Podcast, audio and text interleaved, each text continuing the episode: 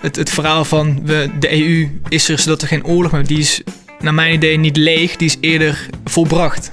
Ik zou uh, zeker een oproep doen om terug naar de basis te gaan. Naar je geschiedenis van je eigen land, kijken hoe die raakt aan de geschiedenis van buurlanden.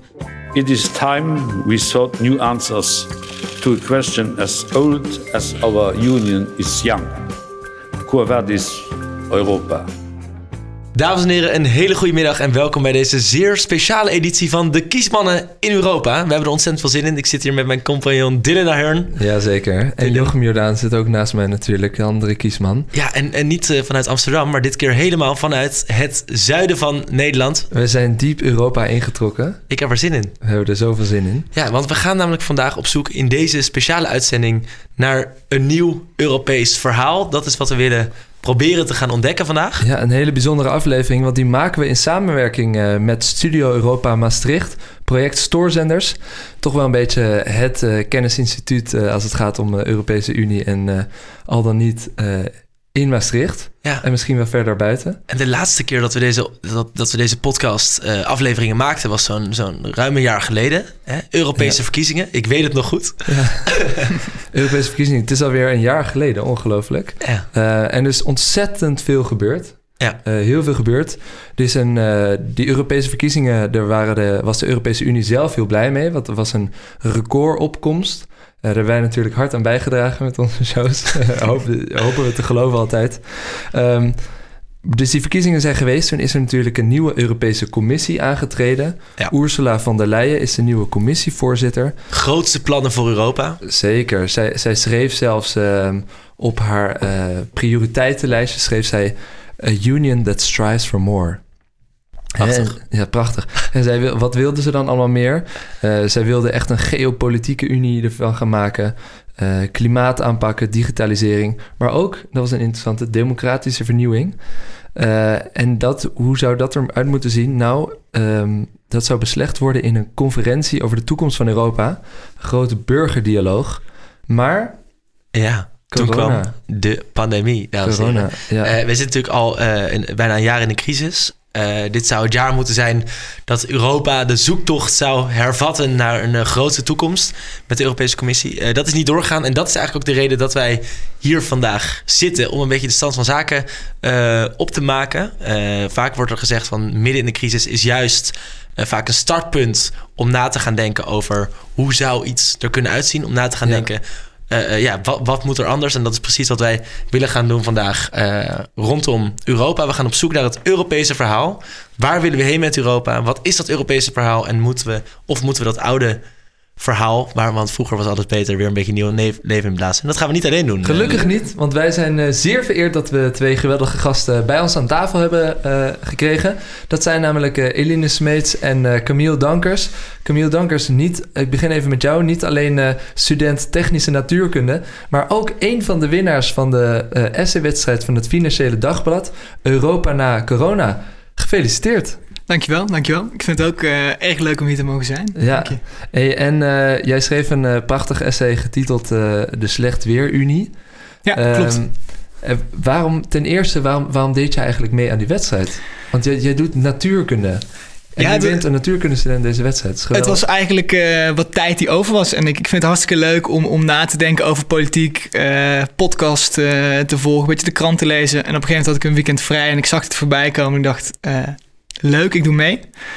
En uh, ik was ontzettend verbaasd en achteraf bleek dat, uh, dat ik had gewonnen. Dus, uh, en en ja. hebben, jou, hebben jouw Delftse vrienden dan, want wij, wij, komen allebei uit Amsterdam... en daar wordt ook altijd veel gediscussieerd, veel geschreven. En dan denk ik, die mensen in Delft die zitten alleen maar gewoon... Praktische, rekenen, ja, praktische oplossingen, voor de, die, die, die, doen echt wat. Maar is het dan, als je dan zo'n essay schrijft... kijken jouw vrienden ook aan van waar heeft hij het over? Of, um, ja, ze vinden, ze vinden het wel mooi als mensen erover nadenken. En er wordt aan de, aan de eettafel ook wel echt over gesproken, over Europa, over politiek. Dus daar wordt zeker niet heel makkelijk over gedaan. Maar ik moet wel toegeven dat mijn huisgenoten toen ze zeiden... ja, toen ik ze vertelde dat ik naar een podcast ging over Europa... toen zeiden ze, nou, wat, wat ga jij daar doen dan? Wat heb jij daar te vertellen? Wat ga je daar bouwen? Dus, uh, dus zei jij, ik ben een winnaar van de S. Dus, ja. motherfucker. ja, dus het is, uh, mensen vinden het wel heel vet om te, om te horen. Oké. Okay. Uh, je nou, wordt wel gek aangekeken. Over wat er precies in dat essay stond, daar gaan we het later ja. nog over hebben in deze podcast. Um, maar je bent niet alleen hier, want jij bent met ons en met Eline Smeets. hartelijk welkom. Jij bent PhD-onderzoeker verbonden aan Studie Europa Maastricht en de Universiteit van Maastricht ook. Um, je doet onderzoek naar, naar Europese integratie door specifiek te kijken naar grensregio's. Hè? Eigenlijk grensregio ook waar wij ons uh, begeven. Je hebt door heel uh, Europa gewoond volgens mij, maar, maar je komt oorspronkelijk ook uit, uit Maastricht. Ja. Uh, als ik denk aan Schmeets, zit daar nog een beetje Duitse roots ook in? Of is dat wel echt Nederlands? Zeker wat Duitse roots. Ja?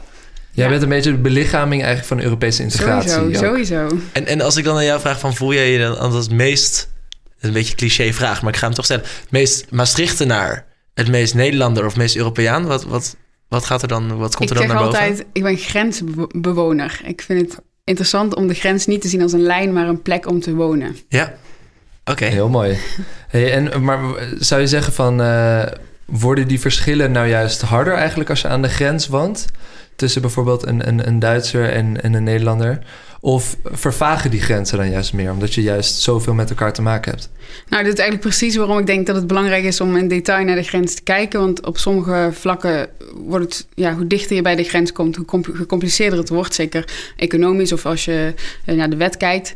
Um, of verkeersregels bijvoorbeeld. Uh, die kunnen heel erg van, elkaar verschillen. Maar hier specifiek, en dat is natuurlijk bij elke Europese grens anders, uh, spreken wij hetzelfde. Of ons dialect, ons Limburgs dialect, lijkt ontzettend op Duits. En wij verstaan elkaar gewoon over de grens heen. Ja. We vieren natuurlijk carnaval. En in plaats van cheerleaders hebben wij uh, dansmarietjes in Nederland of dansmarietje. Wat leuk. In het Duits. Maar jij vroeger ook dansmarietje? Ik, ik wilde altijd dansmarietje zijn. Ze hebben hele lelijke, vleeskleurige panties. En dat, dat vond ik fascinerend als ik bij carnaval uh, zo naar boven het podium keek... en die meisjes stonden echt te dansen. Klinkt heel cool. Klinkt ook echt als iets voor Jochem. Iets voor mij. nou, de volgende keer gaan we samen. Dansmarietje, nou, dat is voor een andere podcastaflevering. Um, ja, jongens, we, gaan we gaan het dus hebben met jullie over... Um, ja, die zoektocht naar dat, naar dat nieuwe Europese verhaal. Hè? Want... Um, er werd gezegd, we, zit, we zitten in tijden van crisis. Brexit, er zit een no-deal aan te komen, we zitten eind december.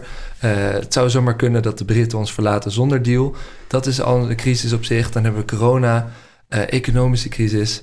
En, en alle grenzen zijn gesloten. Alle grenzen ik bedoel, zijn gesloten. Die, Niet nou. alleen de coronacrisis zelf, dus niet het vaccin, maar dat is natuurlijk een gigantische crisis voor, voor de EU ook. Ja. Van iets waar juist die waarde waar, waar de EU voor staat zijn nu wel, weliswaar tijdelijk, maar natuurlijk toch wel echt staan wel onder druk. Wordt het ter discussie gesteld. En eigenlijk, wij zijn allemaal een best uh, jonge generatie natuurlijk. Ik kijk om me heen, ik zie uh, jonge, frisse gezichten.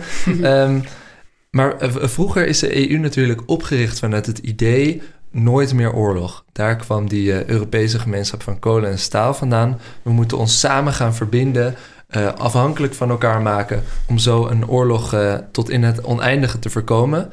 Maar er, zijn is natuurlijk steeds meer sceptisch ontstaan. En onder jongeren werkt dat nooit meer oorlogverhaal eigenlijk niet meer. Hoe, hoe, kijken jullie daarnaar, Eline?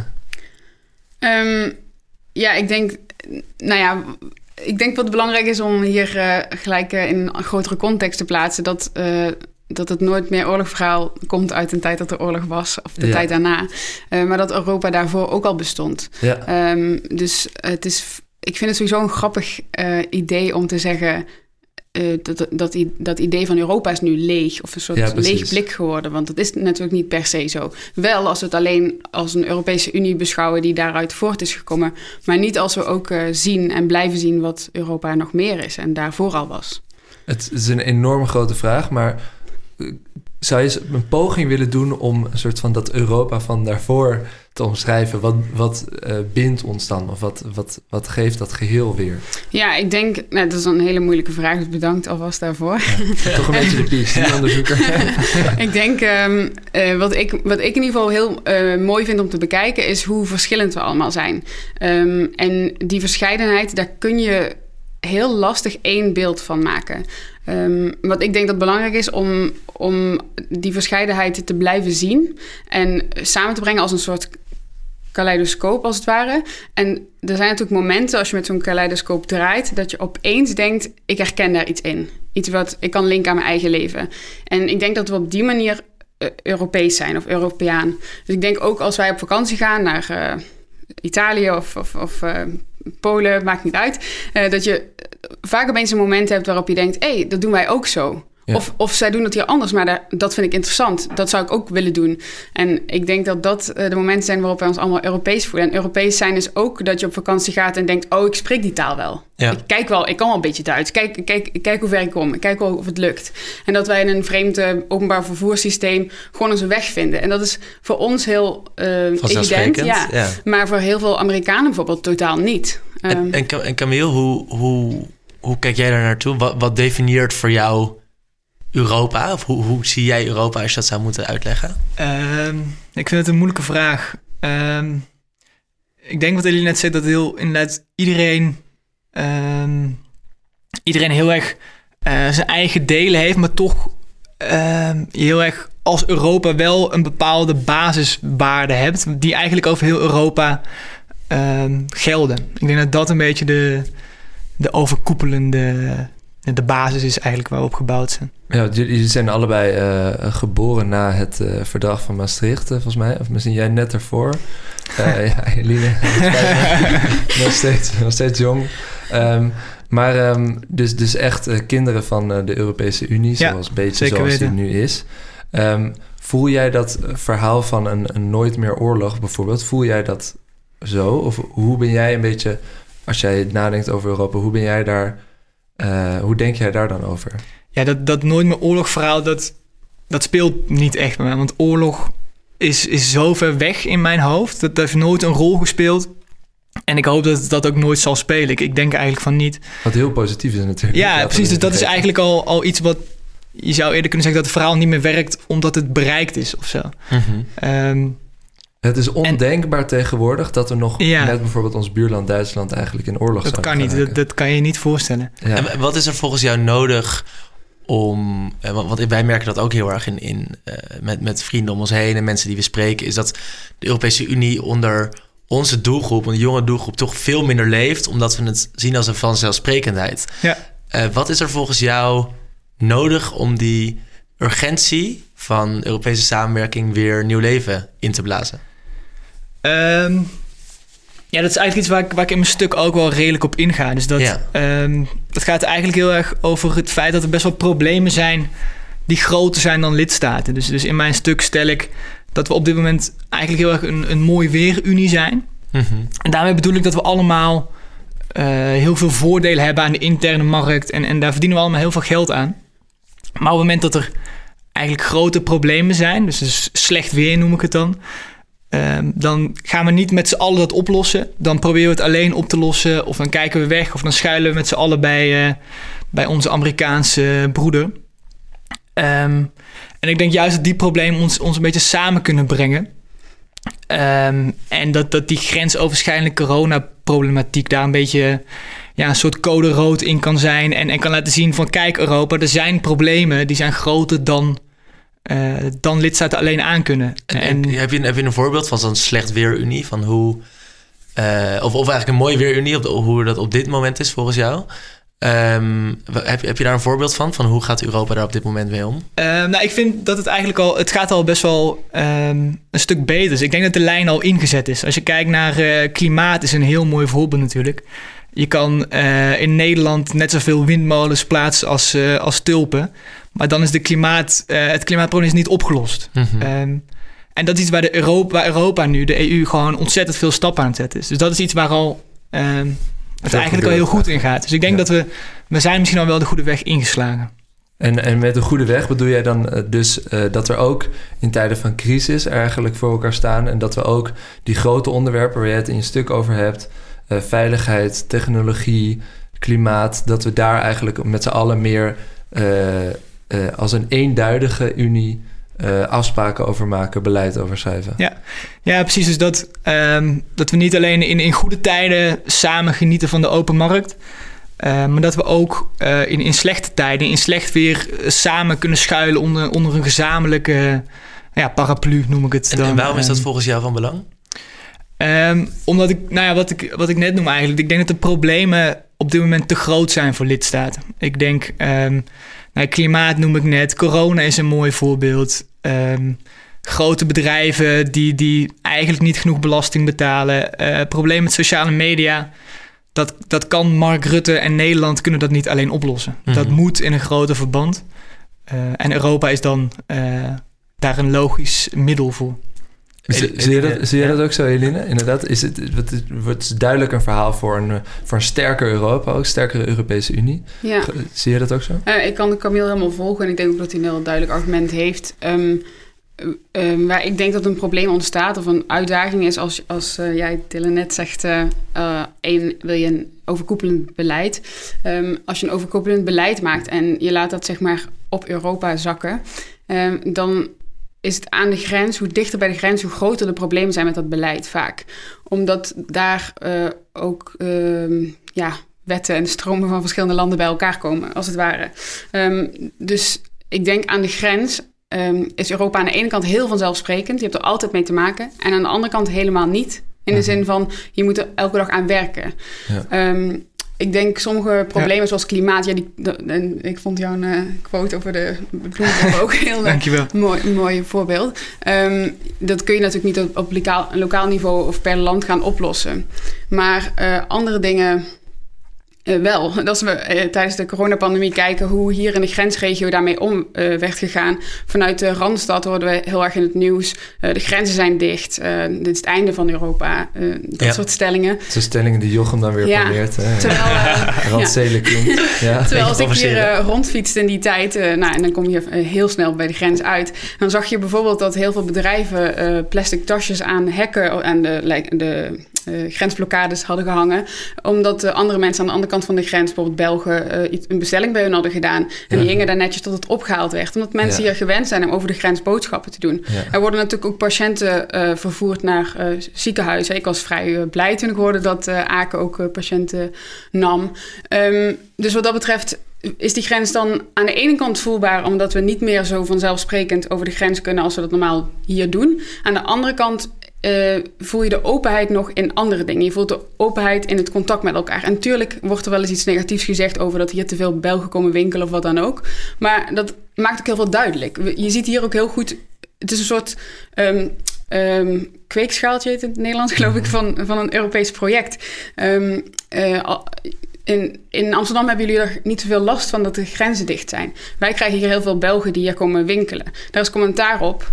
Maar als wetenschapper denk ik, het is ook interessant. Jij zegt eigenlijk dat, dat de Europese wordt eigenlijk gecreëerd door die dagelijkse omgang en uitwisseling van producten, mensen, ideeën. Daar, daar ontstaat dat, dat Europese. Ja, ik denk dat, uh, dat uh, ik vind het interessant om te kijken naar uh, begrippen als goed buurschap. Hè? Goede ja. buren zijn van elkaar. Maar ook conflict. Want waarom moet het altijd goed gaan om samen een Europa te vo vormen? En wat je, waar je mee begon eigenlijk, um, um, die, narr de, die narrative van nooit meer oorlog.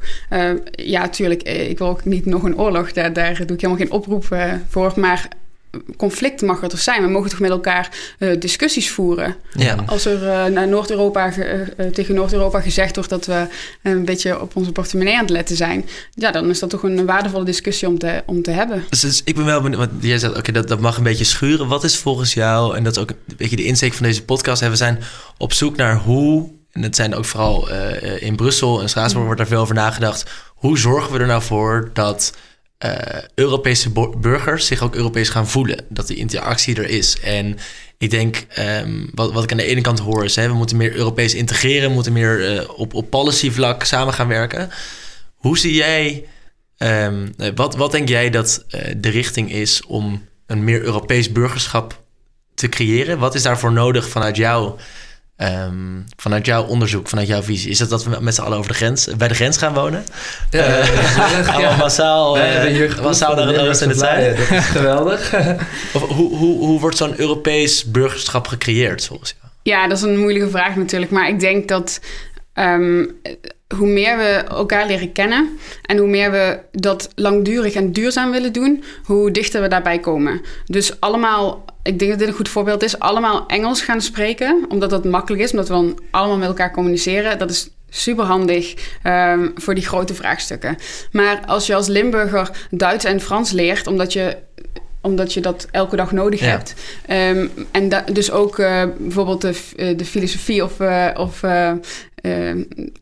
van een ander land kunt lezen of de, of de televisie kunt kijken, ehm, dan hoor je ook wat er over Nederland gezegd wordt van de andere kant, vanaf de andere kant van de grens. En het hoeft natuurlijk niet alleen met je buurland te zijn, het kan ook uh, met een land waar je op vakantie gaat. Maar pas als je die taal goed kent en pas als je de cultuur goed kent, snap je ook de filosofie, de gedichten, de mhm. geschiedenis beter. En dus ook waar, die men, waar mensen van een ander land vandaan komen als ze een mening hebben over hoe wij als Nederland ons gedragen binnen de EU bijvoorbeeld. Het is, het is wel grappig, want er zijn eigenlijk juist heel veel mensen die zeggen juist nu de Britten weg zijn, moeten we juist allemaal Engels gaan leren als een soort lingua franca, de enige taal die we allemaal niet spreken, behalve de Ieren. Ehm, maar jij zegt juist, nee, het is juist uh, eerder een leuk idee of een, een, een toevoeging als we allemaal een taal bijvoorbeeld van ons buurland spreken. Of dat we... Ja, nu ga ik wel een heel klein beetje naar mijn onderzoek toe of mijn, uh, mijn ja, standpunten. maar ik, uh, ik zie Europa heel erg als een soort lappendeken, als een soort uh, patchwork. Dus in plaats van dat als een hele mooie gladde deken te bekijken, is het een deken met naden. En Um, we hangen uiteindelijk bij die naden aan elkaar. En dat is ook waar Europa, wat mij betreft, aan de grond komt. Die naden zijn dan de grenzen? Ja. Um, en die grenzen hoeven niet altijd op de, op de, op de letterlijke grens te liggen. Hè? Soms is het een dialectgrens of, of een... Uh, nou ja, uh, hoe ver je in Europa geweest bent op vakantie. Er zijn natuurlijk meerdere soorten grenzen. Um, en als we bij die grenzen, daar schuurt het. Daar is het uh, grillig. Daar uh, zitten haken en ogen aan. Daar zijn we het niet altijd met elkaar eens. Uh, daar zijn we ook wel eens heel boos op elkaar. Maar het blijft natuurlijk op, allemaal op een hele kleine schaal. Um, en door die frictie hangen we wel aan elkaar. En die frictie maakt ook net als met een autoband op een weg... dat je je ergens op vast kunt grijpen. Dat je naar binnen kunt. wat mijn persoonlijke probleem is met mijn interactie... mijn persoonlijke interactie met de Europese Unie... Hm. is dat het zo uni universeel geformuleerd is zo, zo um, dus zo'n zware brandinglaag overheen, uh, ja. maar zelfs in het logo, die sterren staan voor niks. Mm -hmm. Heel veel mensen, nou ja. het is echt een leuke... Nou, vertel. Uh, nee, ik wil er echt in gaan Nee, nee, nee we hebben dit ooit al een keer opgezet. Ja, oh. ik weet dat het ooit... Het komt eigenlijk van een, van een, van een, uh, een designer... die inspiratie had opgedaan op de twaalf sterren van de Maagd Maria. Oké, okay, nou... Dus niks, niks, maar niks. Nee, nee, nee. maar, Excuses, maar het staat niet voor twaalf landen. Het is natuurlijk nee, een bekende zeker. Het is niet te maken met ja, landen. Ja. Precies. Um, dus die branding is zo algemeen gemaakt... zodat we daar allemaal niet ons hoofd aan stoten. Er zijn ellenlange discussies geweest over... waar zit de Europese Unie nou fysiek, hè? Welke gebouwen ja. gebruiken we? Uh, we willen het dus eigenlijk nergens laten landen. Maar net daarom wordt het zo'n glad afstandelijk fenomeen... dat ik niet weet hoe ik daarin kan. Dus ik ben mijn oriëntatiepunt kwijt, als het ware. En de grensregio, dat is alleen maar grilligheid. En dat is een plek met geschiedenis. En daar kan ik er wel in. Want dat is nou- concreet, dat is tastbaar, dat, ja. het, wordt geleefd. En of het nou mijn achternaam is, of, uh, of dat ik hier uh, dialect kan spreken, of wat dan ook. Maar ik herken, ik herken daar iets in en dat, dat geeft mijn oriëntatiepunt. En vanuit de grensregio, en dat is eigenlijk mijn argument, kun je dus ook Europa gaan begrijpen. Oké, ik, ik, wil even, ik vind het een super interessant verhaal. Um, en het, ik vind het ook leuk Zeker omdat jullie hier uit die grensregio komen, dat het niet alleen je onderzoek is, maar dat dat dus ook je eigen ervaring is die je daarmee kan delen. Wat, wat ik je hoor zeggen is dat je uh, die afstand tot Europa of de Europese Unie is heel erg groot. Uh, Camille, wat, je, wat jij ook in je essay beschrijft, is dat we verder moeten gaan, verder Europees moeten integreren op policy niveau. Maar een van de dingen die uh, eigenlijk de, de, grote, de grote challenge is, ja, we kunnen wel integreren op, op uh, policy niveau. Beleid op beleidsniveau. Maar hoe krijgen we daar ook vervolgens de Europese burgers in mee? Want, want anders krijg je natuurlijk een hele scheve verhouding... waarin mensen in, in Brussel, Straatsburg heel veel willen... maar uiteindelijk de Europese burgers niet betrokken zijn bij de besluitvorming.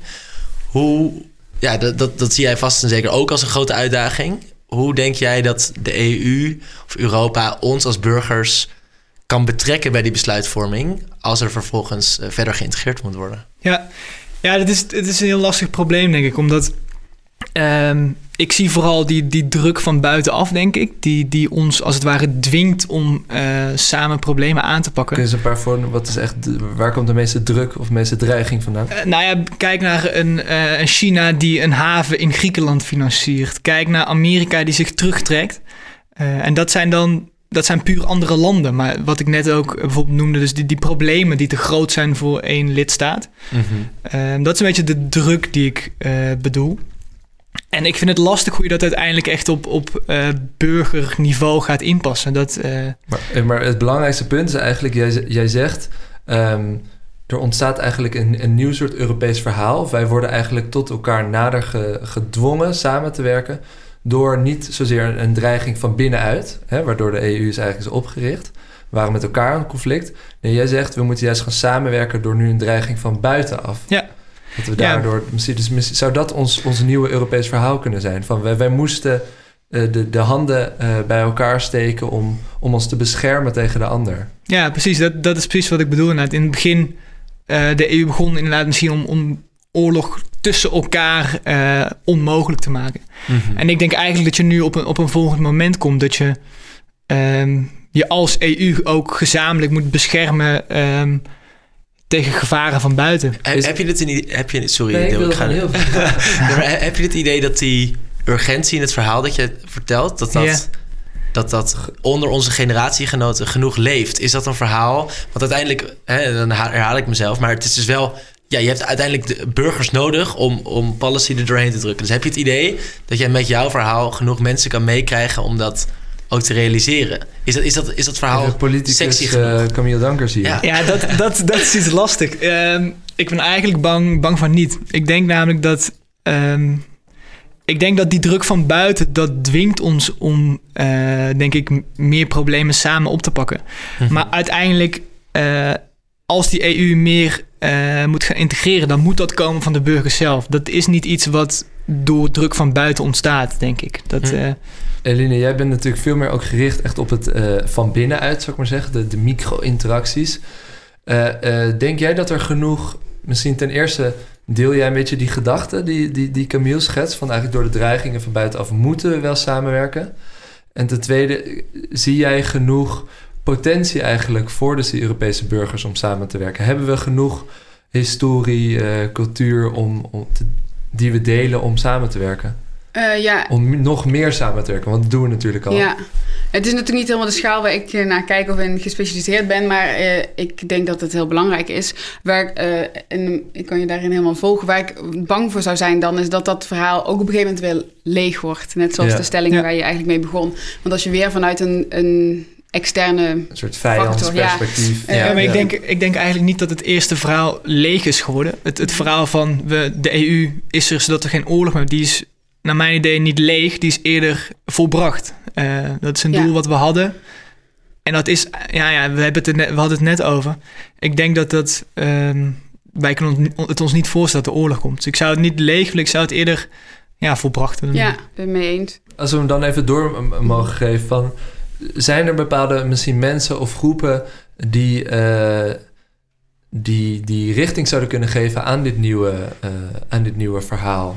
Eline, zit jij ja, wat ik, uh, een anekdote misschien, die ik zelf heel leuk vind om hiermee te beginnen, is um, dat in, in 1965 in de Aachener Zeitung een artikel stond, anoniem. Waar, in een Duitse krant? In een Duitse ja. krant, ja. Dat, dat artikel heette Land, Landrode ohne Grenzen, dus Landrode zonder grenzen. Um, en dat refereerde naar de omgeving rond de Nieuwstraat, Nooistraat. Dat is de straat waar ik dan specifiek onderzoek naar doe. Dat is een grensstraat.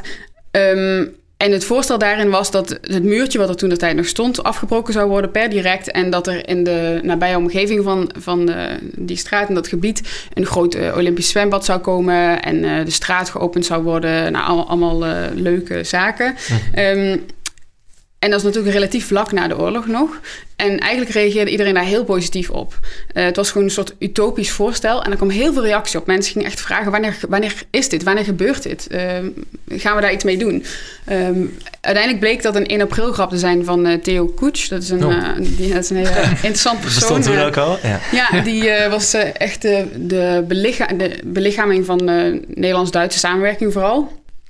Um, en dat heeft echt een proces in werking gezet. En uiteindelijk is die straat uh, in 51, uh, sorry, 1991 is dat gebied, uh, heeft uh, een um, modelgemeente opgericht. De e eerste Europese modelgemeente. Dus zij werken samen vanaf toen. En in 1995 is die straat geopend als Europese straat. Eigenlijk volledig na die... Want dus uh, voor de duidelijk, de ene kant van de straat is dus Duits. Ja. En de andere kant van de straat is Nederlands. Nederlands, ja. De overburen, dat zijn dan de Duitsers. Precies. En tijdens de, oor de oorlog heeft daar, heeft daar gewoon een hek staan. En ja. later een muur ook. Um, dus dat is natuurlijk heel interessant dat iemand een, een, een utopie neerlegt. En, en dat, maar dan dat twee gemeentes daarna pragmatisch eigenlijk gaan, gaan kijken hoe vullen we dit in. En ik denk dat daar echt iets in zit. Dat je groot moet denken. Um, en dromen feitelijk. En ik weet dat dat allemaal woorden zijn waar we tegenwoordig een beetje van zeggen: bad, dromen, passie, utopie. Nou, nee, dat heb jij zo nodig. Toch? Ja, dat denk ik ook. Een mooi beeld neerleggen en dan het uh, praktisch gaan invullen. Gewoon uh, stap voor stap, net zoals je dat met een to-do-list in je agenda doet, feitelijk. En zij zijn uh, daar best heel ver in gekomen. En dat is heel bijzonder om te zien. En natuurlijk, klimaatproblematiek is daarin is echt weer een stap groter. Ja. Maar ik denk wel dat daar, dat daar iets in zit. Volgens mij wel een leuk stukje is een fragment dat jij ook hebt meegenomen. Uh, waarin de nauwe samenwerking eigenlijk tussen twee burgemeesters van die grensgemeente uh, wordt beschreven. Dus we horen twee burgemeesters uit de Kerkrade, de Nederlander en de, de, de Duitser Herzogenraad. Men heeft het over Europa, maar hoe dichter je bij de grens woont, hoe groter de problemen. Mm -hmm. Dus de dagdagelijkse dingen moet je oplossen. En omdat je en een andere cultuur hebt, andere wetgeving, andere uh, manier van, van besturen, mm -hmm. zijn een aantal dingen bijna niet in de wet te pakken. Dus ik zeg het altijd, en voor een jurist is dit ja. absoluut fout wat ik zeg. okay. maar, uh, Van mij mag je het zeggen. nou, wij doen heel veel dingen, soms met de Nederlandse wet, uh, wetboek in de hand, mm. en soms met het Duitse. En heel veel dingen, dat doen we gewoon. Mm. Omdat het gewoon niet, niet uh, te vat is, dus ja. pragmatisch. Mm. En dat helpt meestal vrij goed. Ja, waar hij hier naar refereert, uh, zijn de zogenaamde, of dat wordt in de academische uh, tekst hierover wel eens zo genoemd, de regionauten. Dat zijn mensen die een beetje uh, burgerlijke ongehoorzaamheid laten zien. En op, eh, zeggen, dit past gewoon niet binnen de wet, of zeker niet tussen deze twee wetten in, als het ware. Ja. Dus we doen het gewoon zoals wij denken dat het moet. Gewoon pragmatisch. Je kijkt naar de problemen in plaats van je kijkt naar de, de afspraken. Ja, en natuurlijk worden daarmee soms dingen gedaan die niet helemaal legaal zijn, maar ze zijn zo goed bedacht en veilig uiteindelijk dat het gewoon mag. Zo staan bijvoorbeeld in de Nieuwstraat ook aan de Duitse kant Nederlandse verkeersborden. Die zijn oh, iets ja. kleiner in diameter. Uh, daar zijn natuurlijk per land afspraken over hoe groot die moeten zijn voor zichtbaarheid. Um, maar de, omdat ze kleiner zijn, waren ze ook goedkoper. Uh, dus en, dat is... en, als je dit nou eens probeert te vertalen naar echt een, een verkeersborden, kan ik begrijpen. Ja. Hoe zit het nou met bijvoorbeeld enorme uh, klimaatafspraken? Nou, of, of ik weet hier heel weinig van, dus ik ga waarschijnlijk volledig hoe, fout formuleren. Hoe dat terugbrengen naar dat dorpsniveau? Stel je hebt dat grensdorp. Hoe, hoe... Nou, bijvoorbeeld de uitstoot van um, CO2 koeien. Of die, methaan. Methaan, ja. ja. die, um, dat wordt natuurlijk per land berekend, dus tot maximum. Ja. Maar wat je soms krijgt, is dat in de grensregio bijvoorbeeld alles geconcentreerd was. Natuurlijk buiten de Randstad. Dus daar is dan een hele hoge concentratie daarvan. Dus eigenlijk moet je daar ook over de grens heen kijken en het beter verdelen. Dus je moet het niet per, gewoon je, binnen je eigen land verdelen. Want dan krijg je, en als Duitsland dat ook doet, krijg je aan de grens misschien een hele gekke concentratie die beide wetten uh, buiten zou gaan.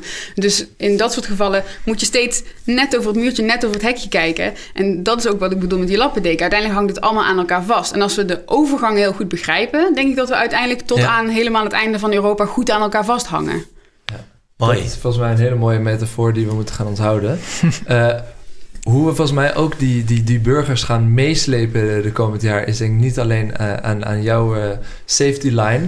maar ook uh, de zogenaamde conferentie over de toekomst van Europa. E-, even heel eerlijk, hadden jullie hierover gehoord of niet? Nee. Conferentie van de toekomst van Europa? Nee. nee?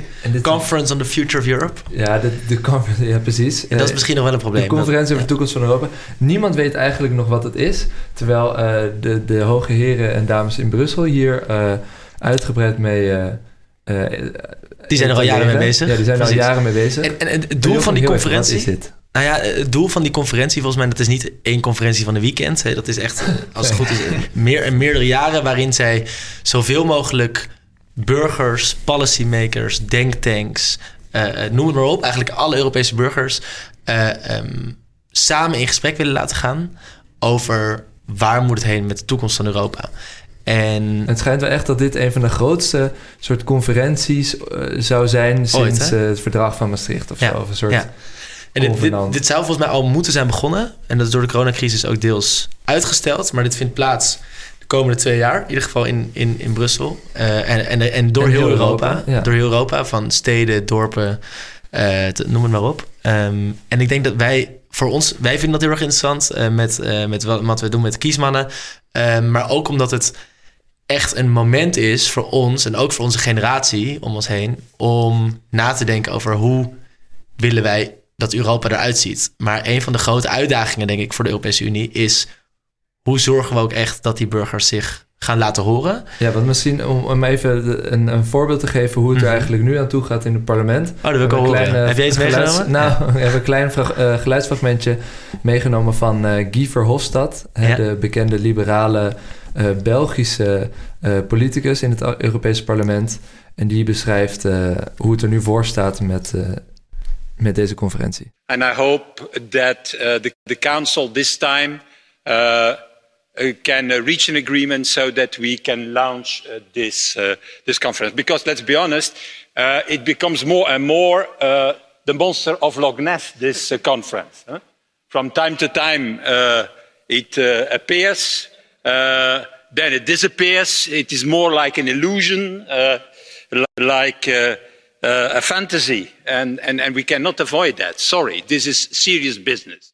Een monster van Loch Ness. Monster van Loch Ness. soms is het er even, dan maar niet. Niemand kent het eigenlijk, weet het of het echt bestaat. Dat is de status. Terwijl het is zo'n ambitieus plan eigenlijk. Ja, en, en ik, ik ben wel benieuwd. Hè, we hebben nu dit hele gesprek gehad over hoe zien wij de toekomst van Europa en, en wat zou het nieuwe verhaal van Europa moeten zijn. Um, um, Camille, wat zou jouw verhaal zijn? Uh, wat zou er voor jou op de agenda van die conferentie moet komen. wat, wat, zou jij willen agenderen? Als je er één of twee zou moeten noemen. Ik denk dat het, het gaat wat mij betreft niet, niet eens per se om de onderwerpen die erop staan. Dus, dus alle problemen die ik noem. Er zijn ook genoeg kansen natuurlijk voor Europa die ze samen kunnen pakken. Mhm. En dat is denk ik niet eens het belangrijkste. Ik denk dat het allerbelangrijkste is dat... Um, het eigenlijk het verhaal van de EU ook weer het verhaal wordt van de burgers uh, in Europa. Zeg maar ik denk dat moet je weer op een lijn krijgen. Als je kijkt uh, Maurits Bredius, dat is een, uh, een andere jongen die ook had meegedaan aan dezelfde wedstrijd als ik. Ja. Die schrijft in zijn essay heel erg um, dat de EU eigenlijk sluipenderwijs steeds meer is geïntegreerd, terwijl daar helemaal geen duidelijke afspraken voor zijn gemaakt. Um, en en het, nou, het, is, het is denk ik een, een duidelijk voorbeeld is dat de, een van de grootste slogans bij de Brexit was: We never signed up for this. Ja. En ik denk, control. Ja, ik, ik, ik, denk dat dat zo is namelijk. Ik denk dat het, er zijn geen heel duidelijke afspraken geweest van waar staan we wel voor als EU en waar staan we niet voor. Dus, dus jij, als jij naar die Conference of Europe, jij zegt jij mag één ding op de agenda zetten, dan is het? Waar staan we wel voor als EU en waar staan we niet voor? Eigenlijk het grootste doel van de conferentie zelf is eigenlijk de conferentie zelf, bijna. Ja, ja zo zou je het kunnen stellen. Tussen burgers ja. en, uh, en die ja. En heb je dan, uh, heb je dan over de als je zegt waar staan we wel voor, waar staan we niet voor, heb je het dan over de waardes of concrete ideeën en plannen? Uh, nou, eigenlijk allebei. Dus je zou het concreet kunnen stellen, wat zijn problemen die we als EU aan gaan pakken? Uh, en wat niet. Uh, dus willen we gezondheidszorg meer samen doen of willen we dat niet? Ja. maar ook wat zijn de waarden die, die ons binden? Um, en, want ik denk, um, ja, kijk, het maakt mij natuurlijk uit, wel uit wat, wat ik heb, nou, ik heb een mening over wat ik vind dat we als Europa aan moeten pakken. Uh, maar ik denk dat het allerbelangrijkste is, is dat de burger weer achter dat verhaal staat. En dat ze het nut zien en weten wat is de EU en wat uh, heb ik eraan. Ja. Dat is denk ik het belangrijkste doel en, van En Eline, hoe, hoe zit dat bij jou? Wat, wat zou jij meenemen. We gaan natuurlijk allemaal, jij gaat uh, natuurlijk die hele conferentie volgen uh, twee jaar lang. Maar stel, stel nou dat, dat, dat, dat jij straks in die zaal zou staan, daar in, uh, in het Europees Parlement, en je mocht de natie of de, de, het continent, het continent toespreken. Waar, waar zou jouw verhaal over gaan? Ja, ik, ik, heb het natuurlijk al een aantal keer herhaald. Ik zou ja. zeker een oproep doen om om terug naar de basis te gaan. Naar je geschiedenis van je eigen land. Kijken hoe die raakt aan de geschiedenis van buurlanden. Misschien, uh, nou, zoals wij hier in Limburg... heb je tot uh, 18, 15 wel nooit bij het land waarin je nu woont gehoord. Um, die, die gedeelde geschiedenis weer zien. Daar waarde aan hechten. Um, dus, dus meer lokaal lokale, gaan. Ja, jouw boodschap en wat ik ook nog even wil zeggen, want dat, dat vind ik grappig omdat je, omdat je het hebt over die gedeelde waarden. Uh, de EU heeft ooit geprobeerd om uh, Europese identiteit vast te stellen. Dat beleidstuk kun je, dat stuk kun je vinden, maar dat is niet gelukt. Dat is uiteindelijk nooit finalized. Dat, Daar kwamen ze niet uit. En, wie kwamen er dan niet uit? Dat weet ik niet helemaal precies hoor, maar, ik, maar um, ze kwamen in ieder geval niet uit wat de Europese ja, identiteit en ik denk dat we daar nooit uit gaan komen als we het op zo'n hoog niveau proberen te doen. Ja. Um, en zo'n um, zo'n um, symposium, ja, conferentie. conferentie ja, ja. Um, ik ben daar zeker niet tegen, maar ik ben daar ook niet per se voor. Um, ik denk dat uh, wat een interessant werk is hierover om te lezen, denk ik, is uh, The Nightmare of Participation van Marcus Miese. Ik denk dat hij een heel goed argument... Huiswerk, ja, ja. Dames en heren, luistert. goed argumenten neerzet over waarom dit soort oproepen voor, voor de burgers om zijn, stem, om zijn of haar stem te laten horen, um, dat is eigenlijk weer zo'n zo'n schijnbeweging. Uh, ik weet niet of we daarmee echt uitkomen met waar we naar op zoek zijn. Ik denk dat het absoluut interessant is. Uh, ik ga het volgen. Camille gaat het waarschijnlijk volgen. Jullie gaan het volgen. Um, we hebben maar, maar, maar denk je dat we de verkeerde mensen bereiken? Of of denk je dat het te geforceerd is, dat het natuurlijk moet ja, ontstaan? Ja, ik denk dat het te geforceerd is. Je gaat weer met z'n allen zoeken naar een, een overkoepelend narratief. Dat overkoepelend narratief is in het postmodernisme natuurlijk überhaupt eh, een, een lastig verhaal. echt wetenschappelijk jargon. Ja. maar als je één zo'n verhaal als zo'n zo nooit meer oorlog, dat werkt niet. We moeten naar verschillende lokale verhalen. Omdat wij niet allemaal dat verhaal kunnen luisteren. Als we met één stem willen spreken, dan horen we heel veel mensen het niet meer. Omdat we met verschillende oren luisteren. Ja. Dus ik denk dat, we, dat er niet één verhaal moet zijn, maar veel verhalen die samen schetsen wat Europa is. Ja. Jochem, um, we naderen het einde van deze podcast. Ja, we zijn uh, bij het is al. En wij, spraken niet met één stem, maar met vier stemmen. Daar ben ik heel blij mee. Jochem, um, we gaan het hierbij laten, hè? We gaan het hierbij laten. We gaan zo weer we duiken straks weer de auto in, terug uh, terug ver weg van de grens. weg van de grens. Maar we willen graag uh, zeker nog een keer Studio Europa Maastricht bedanken voor deze samenwerking. Uh, en ook degene die ons hier met z'n vier hebben samengebracht. Voor ons echt ontzettend leuk om jullie te spreken. En ik hoop ook dat we elkaar blijven spreken de komende tijd. Camille Dankers en uh, Eline Smeets, ook jullie uh, ontzettend bedankt. Ik heb nog wel een kleine verrassing, Dylan. Ja.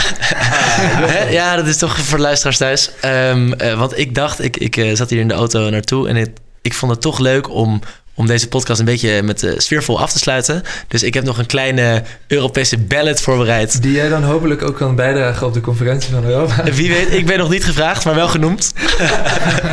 ik word genoemd.